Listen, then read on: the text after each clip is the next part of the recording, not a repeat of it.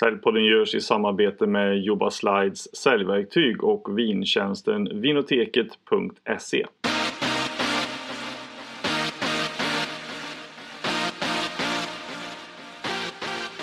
Idag via Skype så har jag med mig entreprenören och pionjären inom VR och AI, nämligen Mattias Andreasson från Fictive Reality.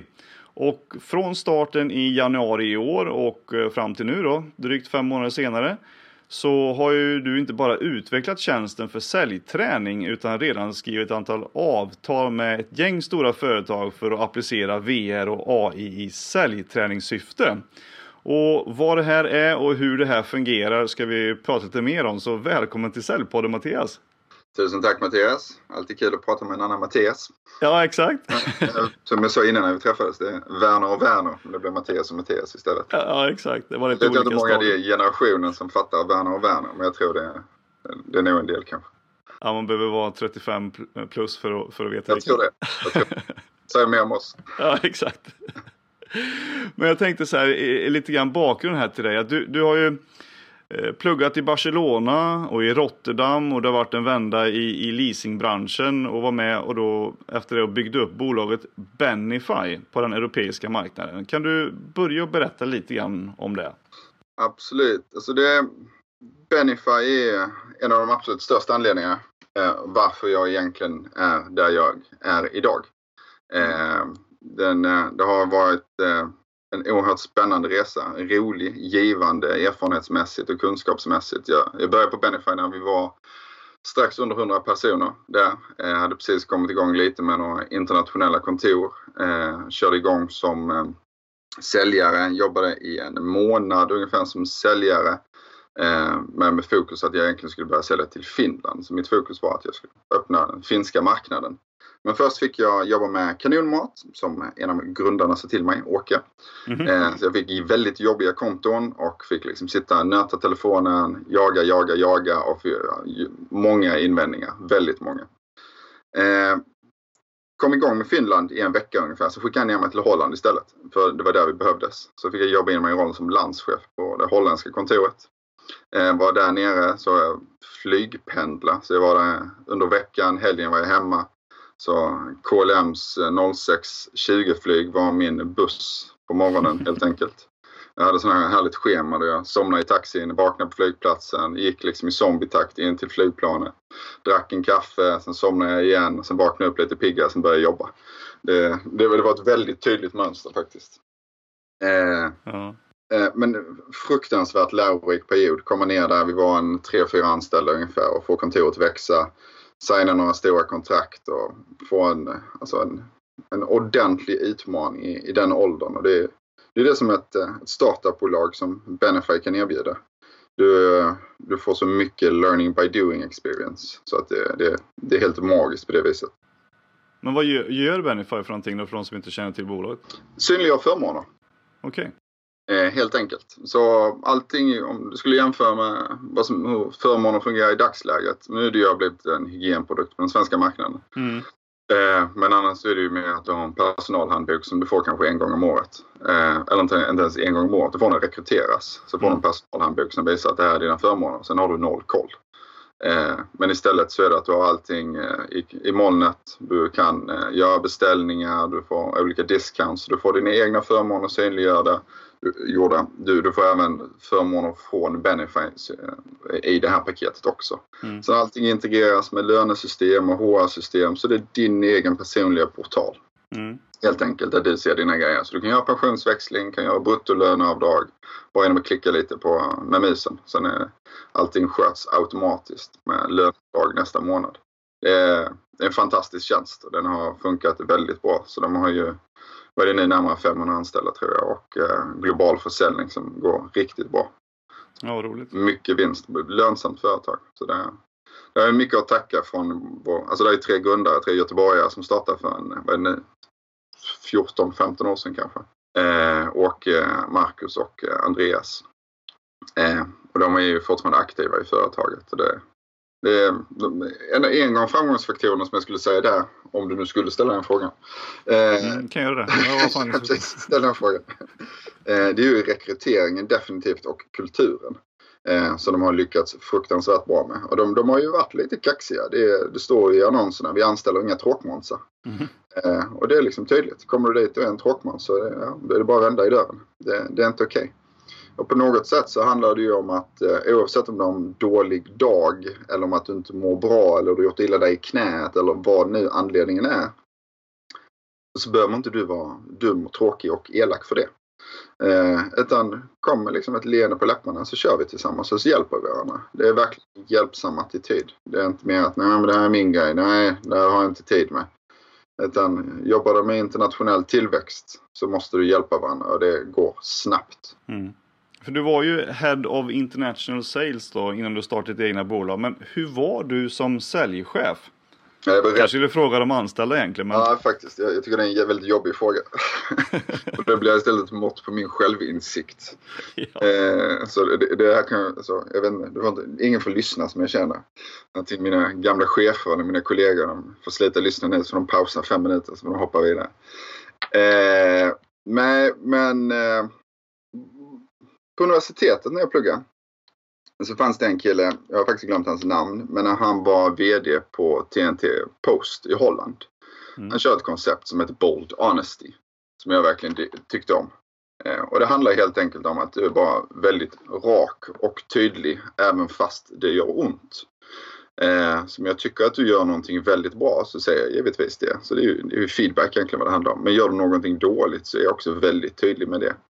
Eh, och det är lite så samma koncept som Tough Love på något sätt som jag också verkligen tror på. Jag är fyrbarnsfar så jag har en del att uppfostra där hemma. Och det, det är absolut tufft ibland. Du måste stå emot besvikelser från dina barn.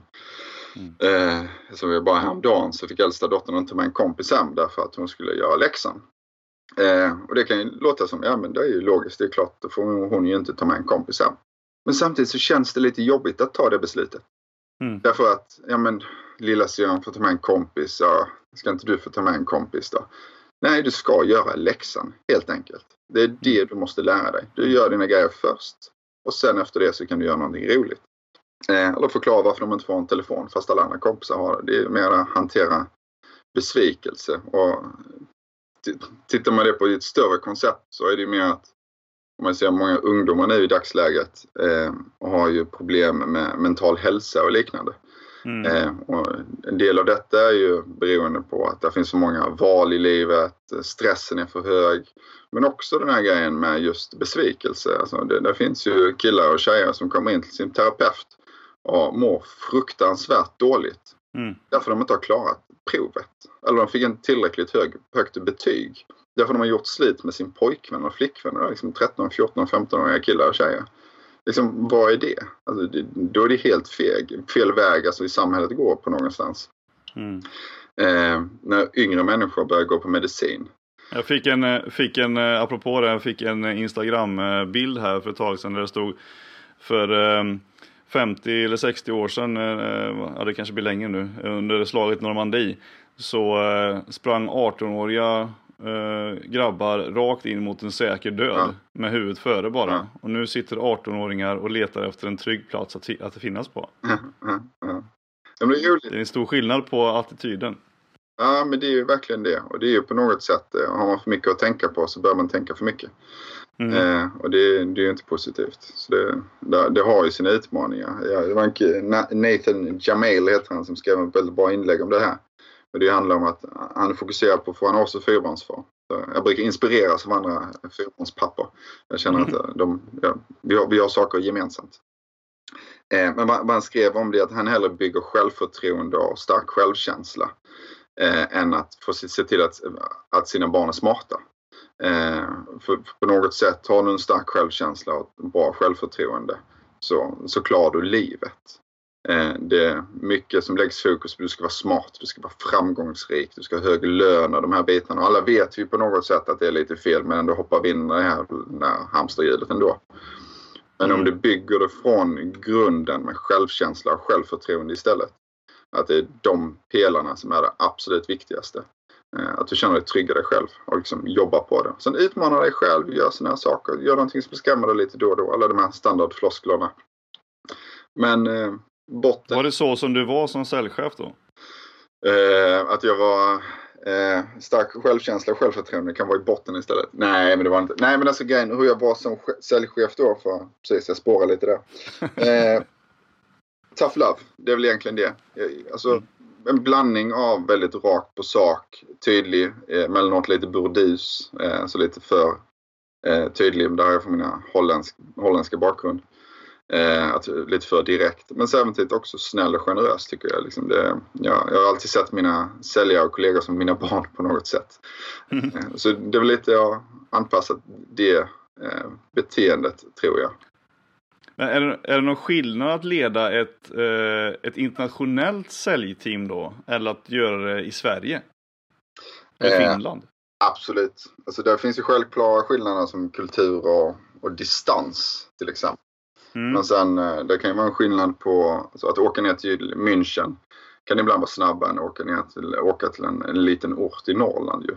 Mm. Eh, så där har du inte alltid så jättestor skillnad. Eh, men du åker ju kanske inte lika ofta.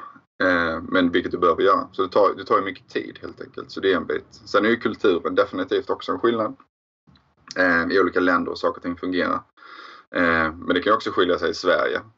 om du är vissa konservativa industrier så är det svårare för en stockholmare till exempel att sälja, ut, liksom, sälja i Skåne. Mm. Eh, men däremot en norrlänning går hem var som helst på något sätt.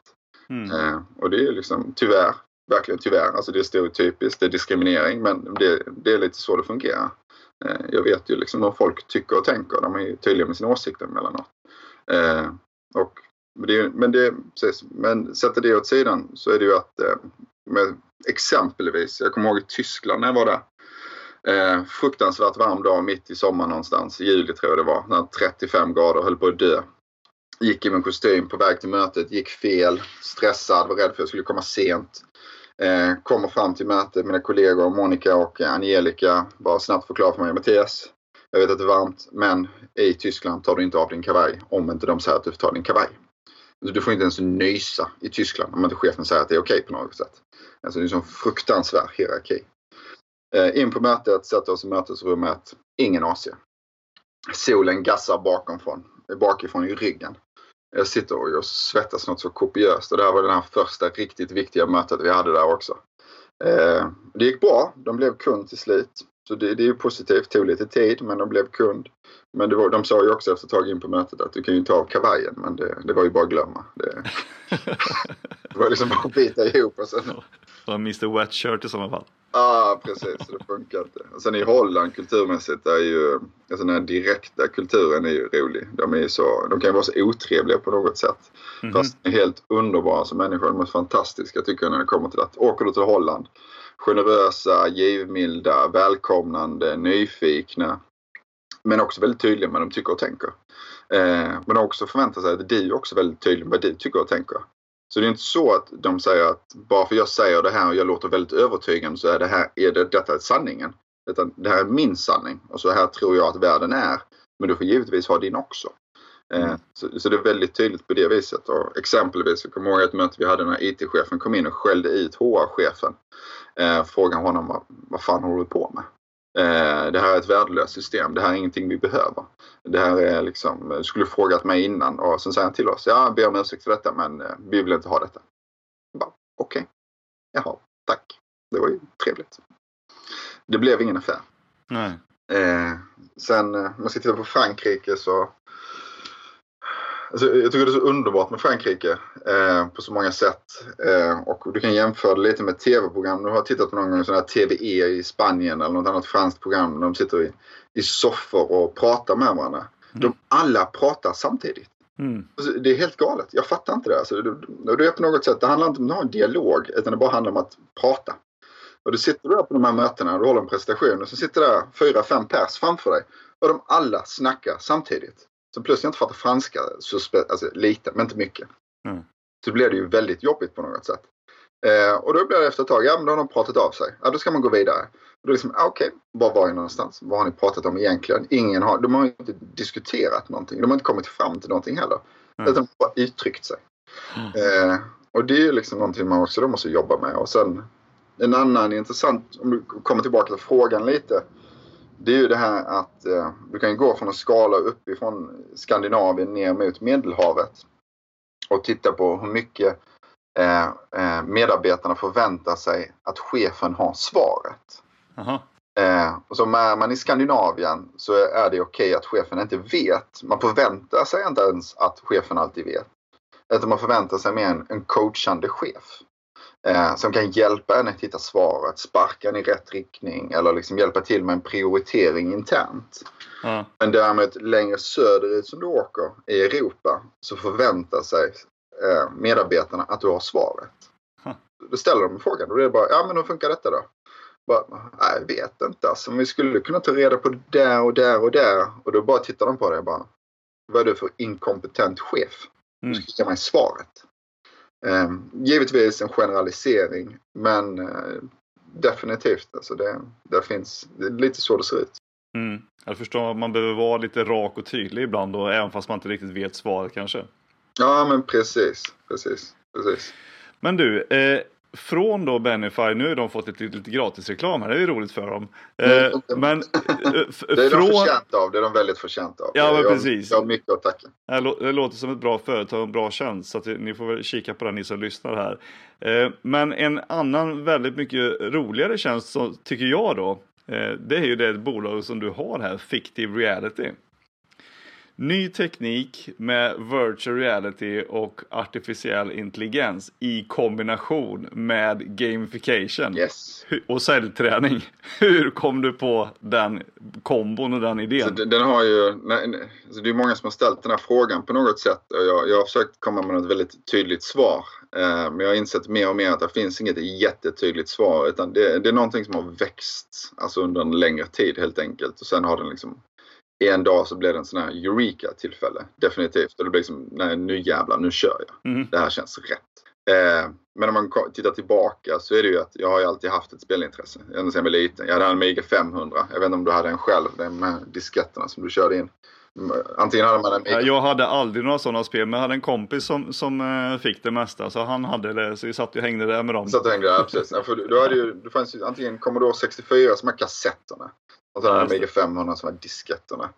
Eh, Jag kommer Ja. ihåg jag satt mycket med den här Amiga 500, en liten joystick och satt och spelade fotboll. Och jag tyckte det liksom var helt magiskt. Eh, så där har ju varit en del. Jag satt med lekte med kommandomenyn med MS-DOS och liknande. Eh, så det har alltid funnits sagt IT och ett gamingintresse på något sätt. Eh, men sen har jag varit tvungen att lägga band på mig själv och slita lite med det. Jag har, jag har en utmaning i mig själv som person. Det är att jag har svårt för att sluta emellanåt. Och det kan man applicera på väldigt många olika ställen i livet. Och då, då blir det på något sätt att du måste bara inse att nej, det här tar för mycket tid. Eh, jag, jag, jag kan liksom inte bara fortsätta. Så antingen att du väldigt strukturerat ger dig en halvtimme per vecka eller vad som helst. Eller att du bara känner av nej men jag måste lägga det lite åt sidan. Eh, så, men eh, så när det gått vidare. Så jag har ju alltid haft lite ögon på spelbranschen. Spelat lite men jag är ingen jättegamer. Eh, VR-intresset väcktes, var på en mässa, fick testa liksom VR-glasögonen. Och då kände jag liksom att den här potentialen på detta den är liksom enorm. Och då tittar man ju också på marknadsanalyser eh, runt om där. Alltså, ser det framför sig som den är värd 25 miljarder dollar om Mm. liksom en fyra år ungefär. Eh, mycket i detta är ju definitivt på den privata marknaden. Eh, men där har det inte riktigt kommit igång riktigt än på den privata marknaden faktiskt. Så där har det varit lite utav en besvikelse faktiskt. Eh, men det är ju på grund av hårdvaran. Alltså den har än så länge varit för dyr. Mm. Eh, om man tittar på det som jag har jobbat med i dagsläget som är liksom det bästa eh, he- headsetet som är en Oculus Rift. Den Mm. kostar liksom ändå en 5000 ungefär. Den senaste. Så behöver du en speldator som är bra. Den ligger runt liksom en 10-20 tusen. Eh, och helt plötsligt så har du rätt mycket pengar för en vanlig konsument jämfört med att köpa en Playstation. Eh, och då tar det sin lilla tid. Mm. Eh, Så det är förståeligt. Men på, i business så är det en helt annan grej. Så i dagsläget så används det ju väl i byggbranschen så är det ju liksom, det har blivit en hygienprodukt istället. På, Ja. på vad sätt då? Eh, Du går ut på ett, en hästhage helt enkelt. Eh, Så trampar du i lite hästbajs utan du märker av det. För du har det här VR-headsetet på dig. Och du är in på en lekplats med barn som springer runt omkring dig. Föräldrar som står och kallar på sitt barn för att de ska komma in och äta. Och så har du det här nybygget framför dig. Så du ser den här stora fina kolossen framför dig. Och du kan klicka på den. Du kan so glida in i lägenheten som kommer att byggas åt dig som du kanske ska köpa. Du kan börja jobba med inredningen i det och klicka på olika knappar. Så att du helt enkelt placeras i din framtida bostad. Eh, och där är det ju på något sätt den här produktdemot. Där, där kan du göra väldigt, väldigt mycket och speciellt med sådana här fysiska produkter. Och där har du ju växt en del. Så du har även när det kommer många VR-konsultfirmor eh, som hjälper industrin till exempel när det är turbiner, alltså flyg, flyg, eh, på ett flygplan. Mm. Eh, liksom, hur ska du jobba med det rent mekaniskt? Man ska titta på olika maskindelar, du kan snurra på det, lyfta på det, ta bort bitar.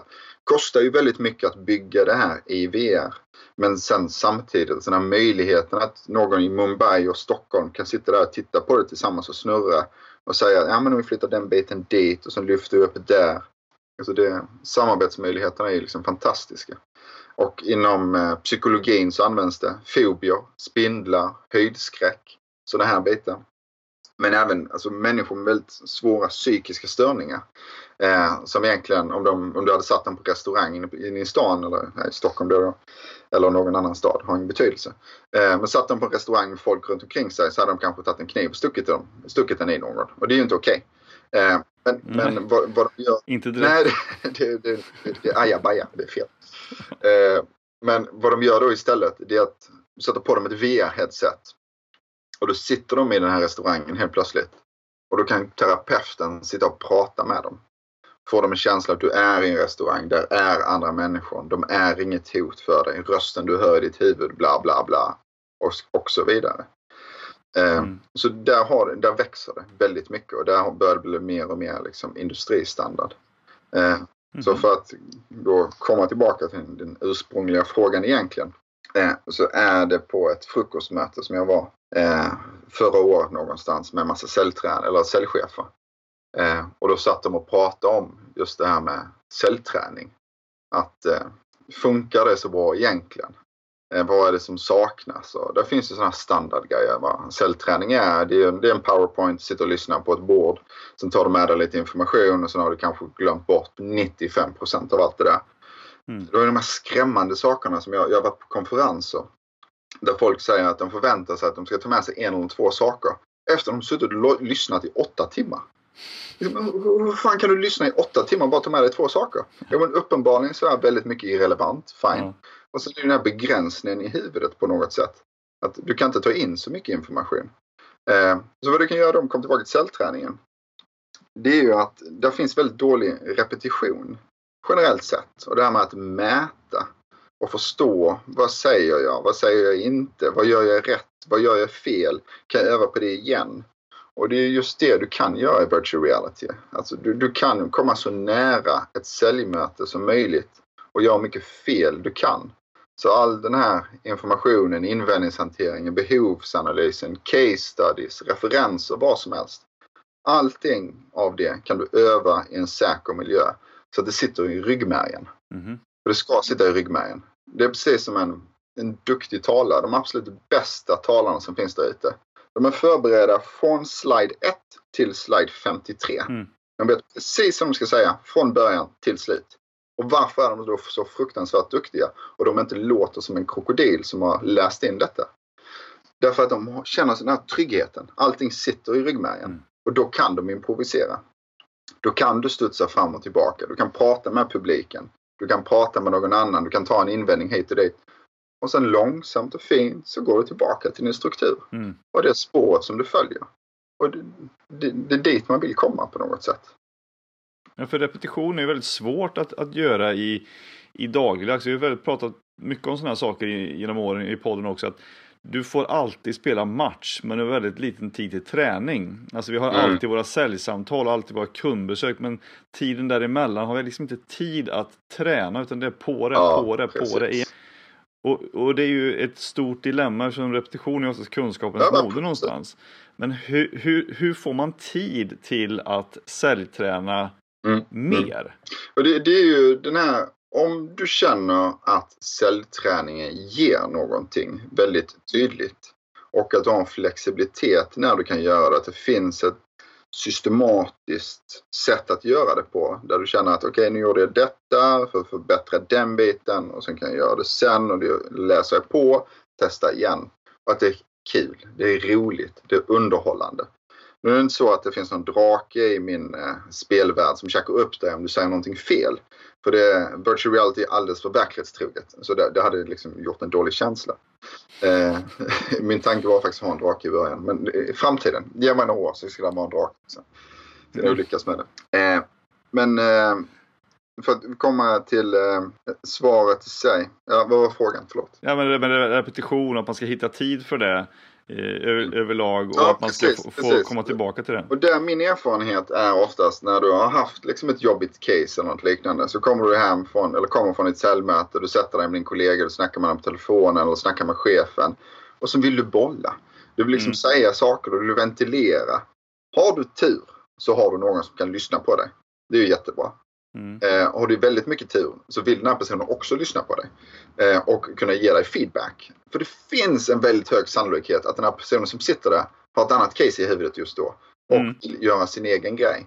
Men eftersom du är en trevlig, snäll medmänniska, som de flesta av oss är, så tar man ju sig en någon minut eller två, eller kanske max fem.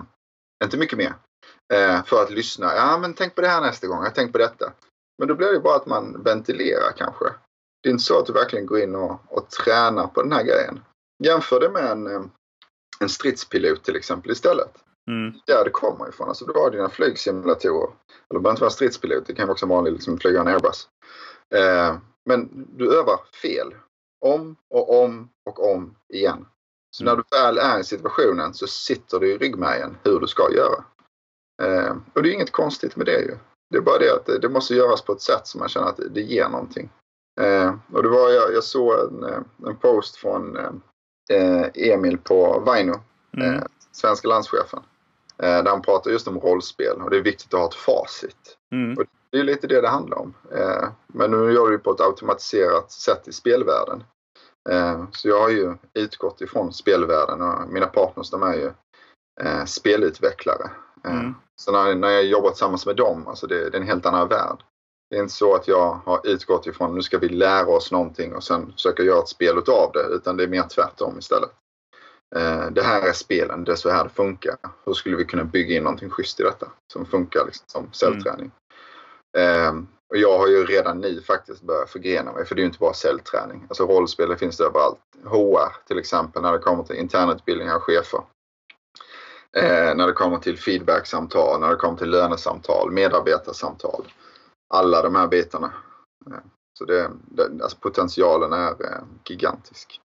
Men, men hur funkar det liksom från början då? Att, eh, när du tar kontakt med ett bolag och ska sälja in idén från början. Yes. Då, då, då kan jag tänka mig att wow, fasen det här låter skitintressant. Ja. Eh, att, man, att man vill liksom testa en ny variant på det. Men, men hur gör ni sen för att göra i ordning ett case? Tänkte det måste finnas väldigt mycket scenarion, väldigt mycket olika typer av kunder, olika typer av produkter som kräver vissa eh, förberedelser och sånt. Det måste ganska lång tid att göra ett case eller? Ja men det gör faktiskt inte, det tar inte sådär jättelång tid. Eh, det, det är lite beroende på per säljorganisation givetvis. Det, har- det har sina Mm. liksom, utmaningar alltid. Eh, för det är alltid intressant när man kommer till en säljorganisation så frågar man ja men har ni er invändningshantering och behovsanalys för de olika produkterna och servicen som ni säljer? Eh, så säger de ja men självklart vi har det och så lär vi ut det då och då och då. Eh, så allting låter liksom fridfullt och fantastiskt och de, de har ju koll på allt. Eh, och, men sen när man väl börjar fråga, ja men kan du skicka det här till mig då? Ja, vi har inte så mycket nedskrivet. Men vadå? Sa du inte det precis? Eh, men jag känner igen det här som jag har jobbat med det själv i så många år. Så, Ja. alltså det, sen har jag träffat andra. Jag har ju, det, Schibsted till exempel. De har ju sin egen Sales Academy. Och det är Joakim Mm. Claesson där som driver den på ett väldigt framgångsfullt sätt. Och det, det är en helt annan grej. Alltså, där har du verkligen liksom en skola som säljarna går igenom. De matar sin roll, alltså de kör sina rollspel, case studies, de får säljsimuleringar, liksom med olika chefer på internt och liknande. Alltså där finns det på plats på ett helt annat sätt. Då är det liksom en enhet inom företaget som gör detta. Och det är en helt, men det är liksom motpolen på något sätt. Så liksom Mm. all cred till Schibsted för att de gör det på det viset. För där är det verkligen okej, ni tar det här seriöst. Och ni Mm. gör det verkligen bra. Men då, ni är också framgångsrika så obviously. Det, där är en anledning varför ni gör det. Eh, det är ju på något sätt, alltså vill du leka så kan du ju liksom träna men vill du bli riktigt bra så får du träna mer. Men annars när man går till kunderna, det, det, det är ju en det är en blandning av att man samlar på sig den data som finns. Men sen börjar man spela spelet tillsammans faktiskt. Och eh, sen börjar jag, alltså jag tar ju in all information, jag tar in deras argumentering. Mm. Det finns ju en analysmjukvara i företag, i, i spelet som fångar allt detta. Så det, det, alltså det, man, man helt enkelt spelar sig fram och så får man in informationen faktiskt.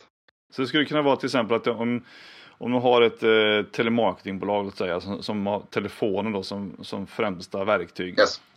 Då skapar ni en, ja, en fiktiv verklighet helt enkelt. Då. Hur, hur, hur, den personen som man ska ringa upp till, den kommer vara på ett visst sätt. Men man vet ju inte det innan. Utan då är tanken att man ska kunna med ord och fraser och meningar och, och eh, sättet man pratar med den här personen på kunna ta sig vidare i det samtalet till exempel. Mm. Alltså just med telefonförsäljning är intressant. Det är det med kunder och stort telekombolag. Så som de resonerar det är att kan du argumentera ordentligt i ett fysiskt möte så kommer mm. du vara kung på telefon. Eh, mm. Så vad de gör då det är att då får de sina säljare att verkligen eh, ta det här fysiska mötet fast de jobbar just med telefon. Och så får de all den här argumenteringen. De får, alltså det, det, det är tuffa argument mot dig. Eh, där du ska svara på frågan, du får göra din behovsanalys och så, då finns det en randomizer i den. Så att emellanåt så har de ett visst behov, ibland andra gånger har de ett annat behov. Så det beror om de vill köpa en annons eller video eller vad som helst. Mm. Eh, så att du måste liksom, så du vet aldrig riktigt vad är situationen per spel. Utan du går in och du helt enkelt liksom bara, du kör. Eh, sen, så kommer du så nära verkligheten som möjligt utan att du tappar affären helt enkelt. Mm. Jag tänker det vore ganska schysst boostning inför varje. Eh, att ha den här någon gång eh, eller ett par gånger i veckan. Att sitta och ha en sån här fiktiva samtal. Eh, bara för att känna sig trygg i det. det. Det är inte en riktig människa utan det är en, ja vad är det egentligen? Är det en... Nej, det är animerat. Ett hologram, ja, animerad. Ja, det är animerade borta. Men det är lite det som är mm. grejen, det är att det är där VR kommer in. Alltså mycket upplärning uppladdning idag så finns det ju att de kör gamification, det finns spel, det finns video, de här bitarna. Men det är mer att de har, alltså, de har utvecklats lite inkrementalt men då ska du ha en radikal utveckling istället och det är där jag ser VR istället. Eh, för att sätter du på dig de här, det här headsetet, alltså du sitter fast i världen. Du får en helt mm. annan inlevelse. Och det är just det där som jag känner också att varför det blir så bra och varför kunderna tycker om det så pass mycket. Eh, det är ju för att hur de här spelutvecklarna, hur vi jobbar tillsammans. Jag känner det väldigt mycket tack vare dem. Att, för de har ju den här förståelsen. Alltså spelutvecklare är ju liksom ljusår framåt jämfört med utvecklare generellt. Inget fel med dem, men när det kommer till eh, slutanvändarupplevelsen. Eh, de, de har den här fingertoppskänslan. Och eh, kan du sätta den, och, det känns som att du är i den här, du är i ett möte fast det är en animerad person framför dig. Eh, och du, du, får den här inlevelsen. Det är inte så att den är 100% men det är ju varenda säljmöte jag har så det, alltså det, är, det är riktigt roligt. Alltså vi sitter och har kul tillsammans. Eh, för de sitter där och argumenterar och jag, jag, jag har ju en av karaktärerna i mitt demo, Florin, som är en väldigt eh, jobbig VD, väldigt bossig av sig. Mm. Tuff som fan. Eh, hon har ett väldigt så här, elakt skratt också. Eh, men det, det, är ju så kul när man sitter där och liksom utmanar individerna och, och får dem liksom att de blir svettiga. De tar ju av sig headsetet och de liksom, hjärtat klappar lite. De är svettiga om händerna. Bara, Okej, okay, men det här, wow. Okay. Så blir de tysta ett tag. Alltså, det, du måste på något sätt liksom bara, okej, okay, var var jag någonstans? Eh, det var en, en tjej, jag kommer inte ihåg vad hon heter, men eh, hon sa det att eh, spela VR är ungefär som dagdrömmar. dagdrömma. Det, det, det, det är väldigt verkligt på något sätt. Säljpodden görs i samarbete med Juba Slides säljverktyg och alla vet ju att det som sker tidigt i säljpipen avgör hur kvartalet eller månadens resultat blir. Och Juba Slides har löst så att säljaren slipper jaga kunden i onödan. Eftersom allt säljmaterial som du mejlar ut spåras och kopplas automatiskt till alla steg i ditt CRM-system. Och med hjälp av poängbedömning så vet säljaren vilken affär som man ska fokusera på. Och allt paketeras då i en och samma digitala presentation. Och vill du se resultatet på eh, hur det här går till så går du in på yooba.se pipedrive. yoba.se pipedrive. Med glädje kan jag också presentera min nya samarbetspartner Vinoteket och där jag själv varit kund under ett par års tid och varje gång förvånats över den kvaliteten som de här vinerna håller när man får hem dem. Därför är jag extra glad att få göra det här samarbetet och jag tillsammans då med Christian Kull som är sommelier på Vinoteket satt ihop en egen speciell vinlåda för Säljpoddens lyssnare. Och där är fyra stycken personliga favoriter som jag har beställt tidigare och gillar. Och som jag också hoppas att du kommer gilla. Och det är två röda och två vita viner och självklart då två av varje sort. Och nu står det 45 lådor och väntar på just din beställning. Så gå in på www.vinoteket.se sargpodden och gör din beställning. Och den här vintjänsten är både enkel, smidig och praktisk eftersom du får vinet då fraktfritt hem till dörren på en tid som passar dig. Och alltid med 100% nöjd kundgaranti. Och i och med att livet är alldeles för kort för att dricka dåligt vin så tycker jag att du ska gå in och göra din beställning idag på vinoteket.se saljpodden. Nu fortsätter vi med dagens gäst. Men vad säger kunderna när du liksom nämner VR, AI och säljträning i samma mening? Det är två väldigt tydliga reaktioner. Den ena är wow, vi kör, häftigt. Ja. Den andra är total tystnad. Eh. För det är på något sätt att ja, det, ja, det där låter ju bra. Men alltså, ja, ja, ja okej. Okay. Ja, men ja, hur gör man det? Eh, det är liksom det, att koppla hur det funkar. Det, det blir en måttstock också på deras eh, omvärldsanalys kanske, kanske och, och få liksom en förståelse för okej, okay, de här är i framkant av teknik generellt. Ja med, med omvärldsanalysen är gjord. Yes. Man vet vad som behöver göras och vad som kommer komma i framtiden. Den, den då förstår man att okej, okay, wow, vi kör. Eh, jämfört med den andra reaktionen då. Så att vänta nu, vad hette det så? Precis. Ja, men sen är det inte bara att de, det, det kan vara att de förstår det. Eh, men sen de blir så överrumplade av att det egentligen fungerar överhuvudtaget. Så att de vill ändå göra det. Alltså, mm. Eh, jag har ju verkligen inte haft problem med att få till möten. Och jag är ju, jag tackar ju alla mina alltså prospects och kunder. Alltså de är så jättesnälla. Liksom slänger allt, ut allting på LinkedIn också. Mm. För att eh, det blir ju promotion för dem och för mig. Men det är ju, står det någon med ett headset på sig eh, och eh, liksom säljtränar helt enkelt. Då är det bara att mm. wow, hur funkar det? Häftigt. Vill jag också testa.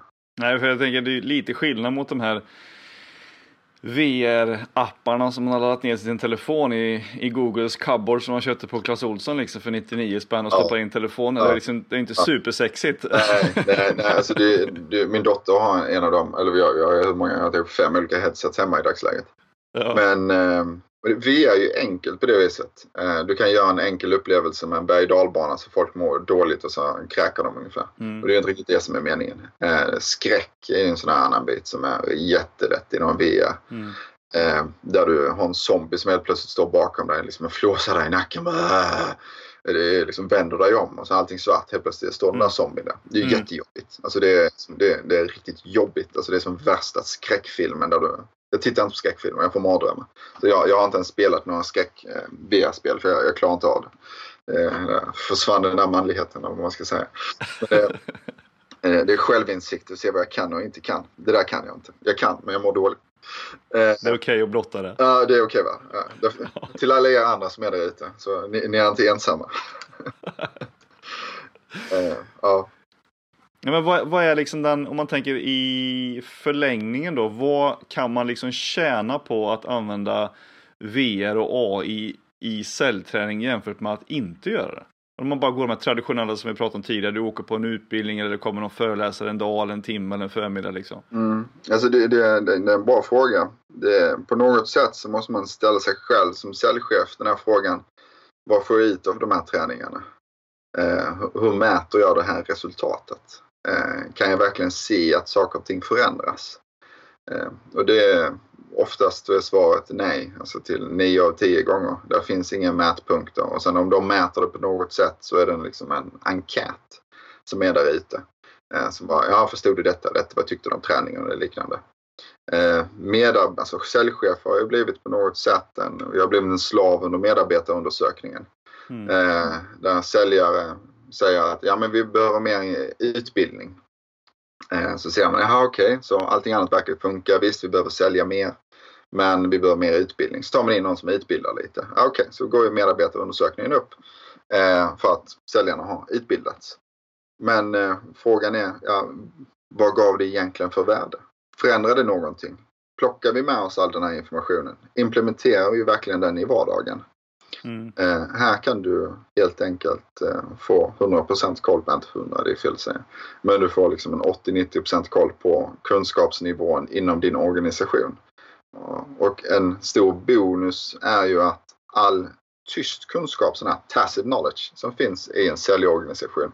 Man säger en femårs, som säljare som har gjort det i 5-10 år. När den står och argumenterar och eh, spelar spelet, det är en helt annan grej jämfört med någon som har jobbat ett eller två år. Eh, och oftast när den här seniora säljaren försöker lära ut, antingen via ett seminarium eller något liknande, du är på ett möte, så blir det liksom en engångsföreteelse. Mm. Men här vad som händer det är att du plockar in all den här argumenteringen från den här väldigt duktiga säljaren. Så blir det en del av spelet. Så den nya juniora som sitter där, då kan den helt plötsligt liksom ta sådana här stormsteg framåt. När det kommer till hur ska jag prata, hur ska jag svara, säljteknik, alltså case studies, köra lite feel felt found mm. här på denna argument, argumentet ungefär och liknande.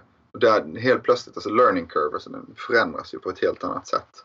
Så när det kommer till onboarding mycket snabbare, du får upp säljare mycket snabbare. Liksom, du, du din din, din mm. cog liksom, den går ner. Finns det några uppenbara nackdelar då? Det finns ju alltid nackdelar, så jag vet inte om jag vill berätta dem. Nej. Nej. Nej men alltså, jag har varit inne på några bitar redan faktiskt. Eh, eh, det är ju det här med åksjuka. Mm. Eh, och, men det är ju om du åker berg och dalbana till exempel. Eh, men det, det, kommer du inte göra i det här i, med effective reality. Eh, men min fru till exempel hon är ju väldigt lätt åksjuk. Så mm. henne tog det liksom en eller två gånger innan hon alltså bara står i ett vanligt rum. Helt enkelt att vänja sig eh, vid det. Men nu är hon funkad så nu flyger hon genom olika världar och liknande. Så det, det är inga konstigheter. Du måste helt enkelt bara vänja dig. Mm. Eh, och det är någon som är väldigt åksjuk. Är du inte åksjuk så det är inga konstigheter. Eh, sen är det ju att eh, det är ju ingen fysisk miljö i sig. Så du kan gå ut genom glasväggar och liknande. Eh, så det kan ju vara lite, du, till exempel om du står i receptionen här på 16 våningen så kan du ta ett steg rakt ut genom glasväggen. Så det, det är ju en nackdel för folk som blir lite rädda och sånt och sådana bitar. Eh, sen ha madrasserade rum alltså? Ja, precis. Men förlåt, vad sa du? Man behöver ha madrasserade rum Ja, alltså. ja men faktiskt. Ja, men definitivt. Att det finns ju skador. Det, det kommer jag ihåg när Wien kom ut på ja. Nintendo. Och då är folk som fick sådana nunchuck i huvudet och liksom blåtår ja. det ena och det andra. Trillade ner över glasbord. Det var säkert någon som trillade och pin, alltså som dog där också. Eh, men det, det, är ju samma där, så faktiskt vad du kan göra i VR. Du får skapa din sån här spelzon, brukar du säga. Så att du, du känner dig lite säker. Men det är inga, liksom, det, det är inga jättestora problem. Mm. Men sen som är viktigt att poängtera, det är ju det är inte så att cellträning i VR ersätter all träning. Det är ju inte det det handlar om. Utan istället så är det ju delar av den som, där det blir, som den definitivt ersätter. Men som blir den ett fruktansvärt starkt komplement. Men också en sorts kunskapsdammsugare internt i organisationen. Eftersom allting som spelas i spelet tas in. Som om du till exempel jobbar på en säljorganisation eh, du har fått en sån här utbildning från Miller Hyman Group och åkt till London och suttit med sex olika CXOs och suttit och argumenterat med dem och kört en case study och liknande som kostade dig liksom en hundratusen kanske. Inte dig personligen utan ditt företag. Eh, när du kommer tillbaka eh, då ska du få spela igen. Mm. Och då ska du få ta den här kunskapen och spela och sen sparas den. Och då helt plötsligt så blir den här avancerade cellträningen på något sätt som börjar krypa in i resten av organisationen. Och det, är liksom, och det kan vara någon ung kille som kommer in som har helt nya galna tokiga idéer som är fantastiska. Ja, du kanske vi tar det istället. Eh, och då börjar det sparas och läggs in. Och på det viset så växer du som organisation, den här kunskapsöverföringen. Mm. Den blir så mycket bättre.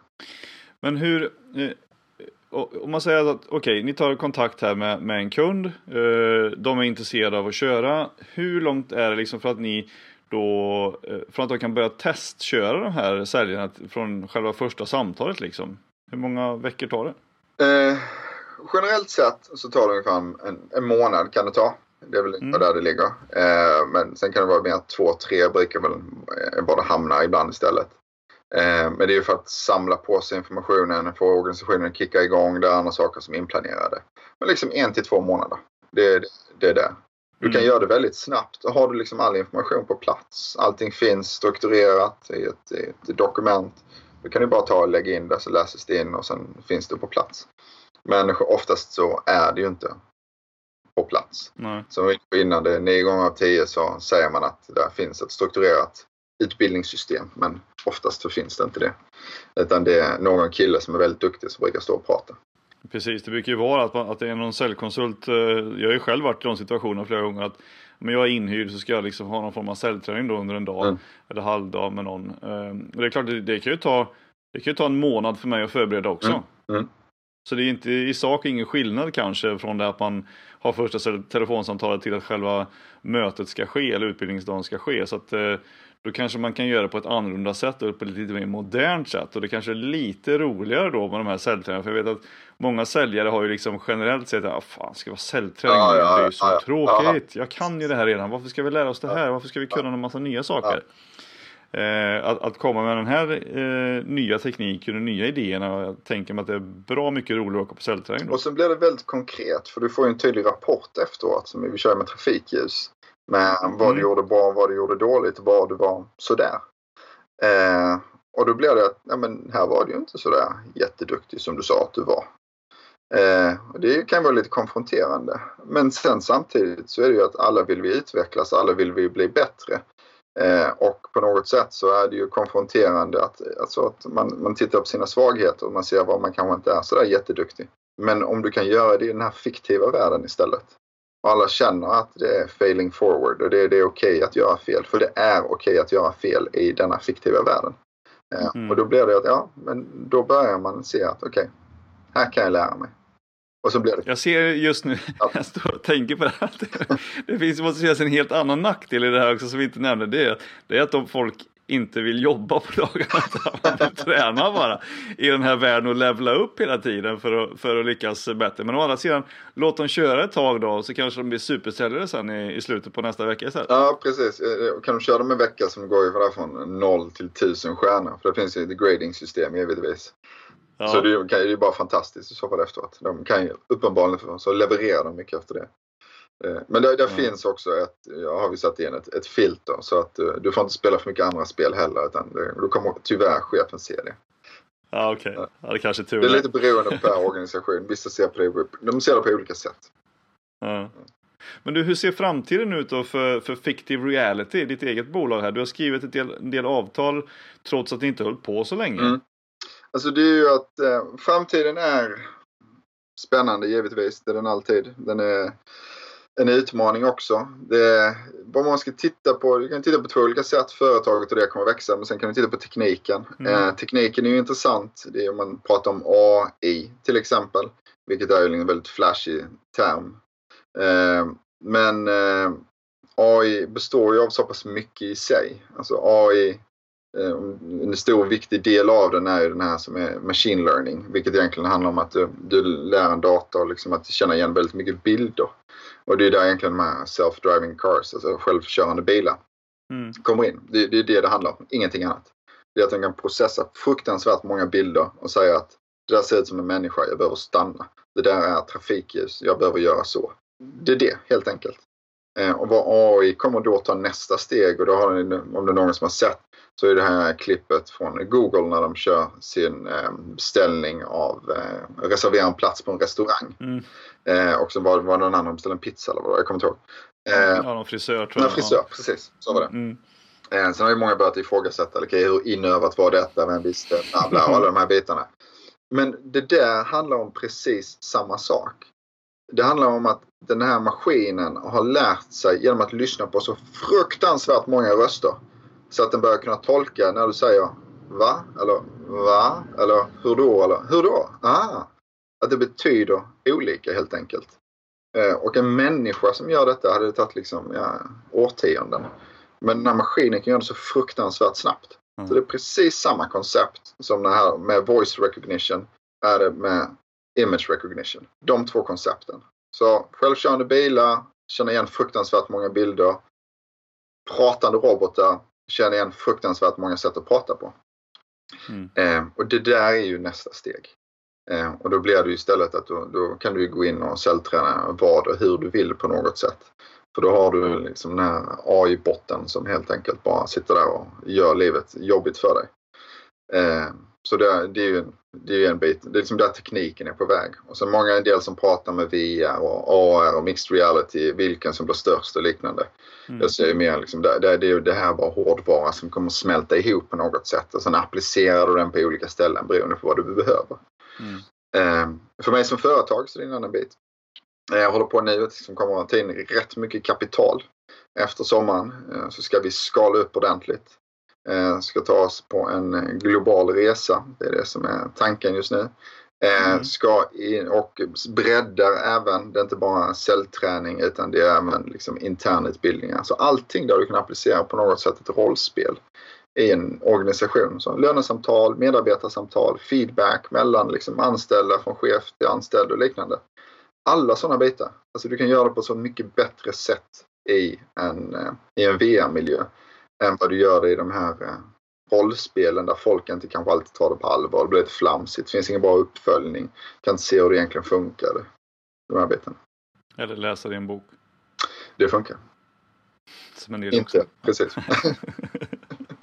det låter ju sjukt spännande liksom i hela för jag tänker också så att det kanske blir i framtiden också att man inte ens behöver åka till en mässa utan att man har sin, eh, sin avatar ståendes där och man går in i, tar på sig VR-glasögon och pratar med mig från mitt kontor i Sverige och du står på mässa i Barcelona och vi kan prata med varandra och kanske skaka tass och sånt om vi har några eh, handskar till exempel med några, några sensorer i så gissar jag att det också går att koppla ihop här framöver. Ja, men det, när du är inne på det så är du inne på någonting väldigt intressant.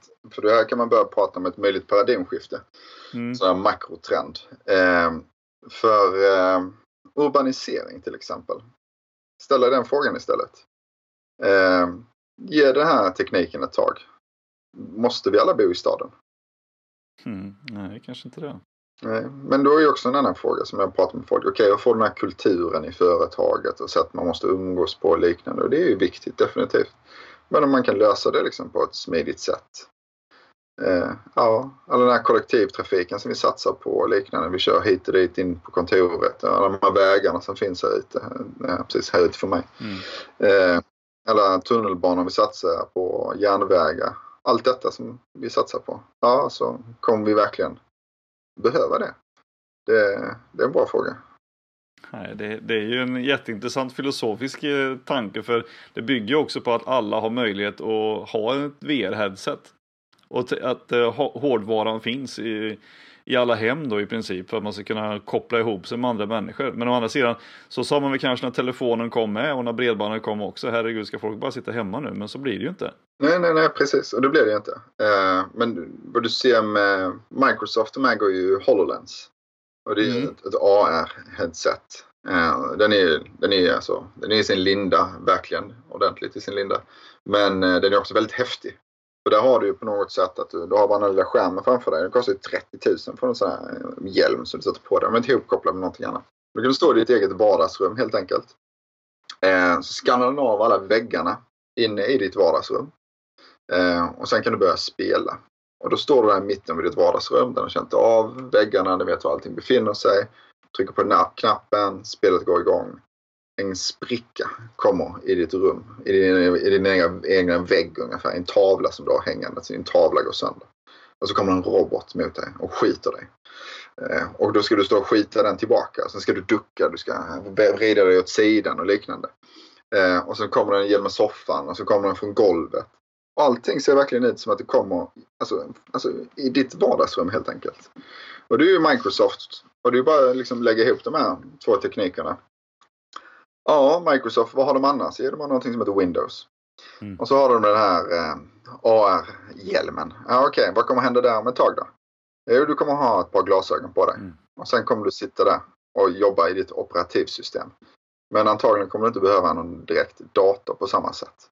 Utan det räcker med att du har, du behöver ju ha en hårdvara definitivt som kanske får lite tuffare saker. Men telefoner med dem kan jag i dagsläget mm. redan. Alltså det är ju ganska avancerat. Så låt den här hårdvaran utvecklas lite så laptop kommer ju bli omodernt kanske efter ett tag. Att alla sitter vi där liksom och trycker liksom i luften på vårt lufttangentbord. Minority Report skickar liksom bilder fram och tillbaka, upp och ner, hit och dit. Alltså, det här är inte långt borta längre. Det här är, det är nära. Ja, man får ju lite gåshud här. Alltså, det känns ju otroligt spännande att bara vara alive så här 2018 och, och ta del av de här grejerna. Det, det är fantastiskt eh, spännande framtid som, som, eh, som eh, vi har framför oss här när, när man hör dig berätta de här grejerna. Man, man sett på tv och som sagt de här filmerna som utspelar sig i framtiden men som inte är så himla långt borta egentligen för vad vi faktiskt kan göra. Nej, nej, absolut inte. Just Minority Report det är en sån här standard setup på något sätt. Den är verkligen häftig när Tom Cruise står där och sveper igenom bilderna. Jag bara wow, häftigt.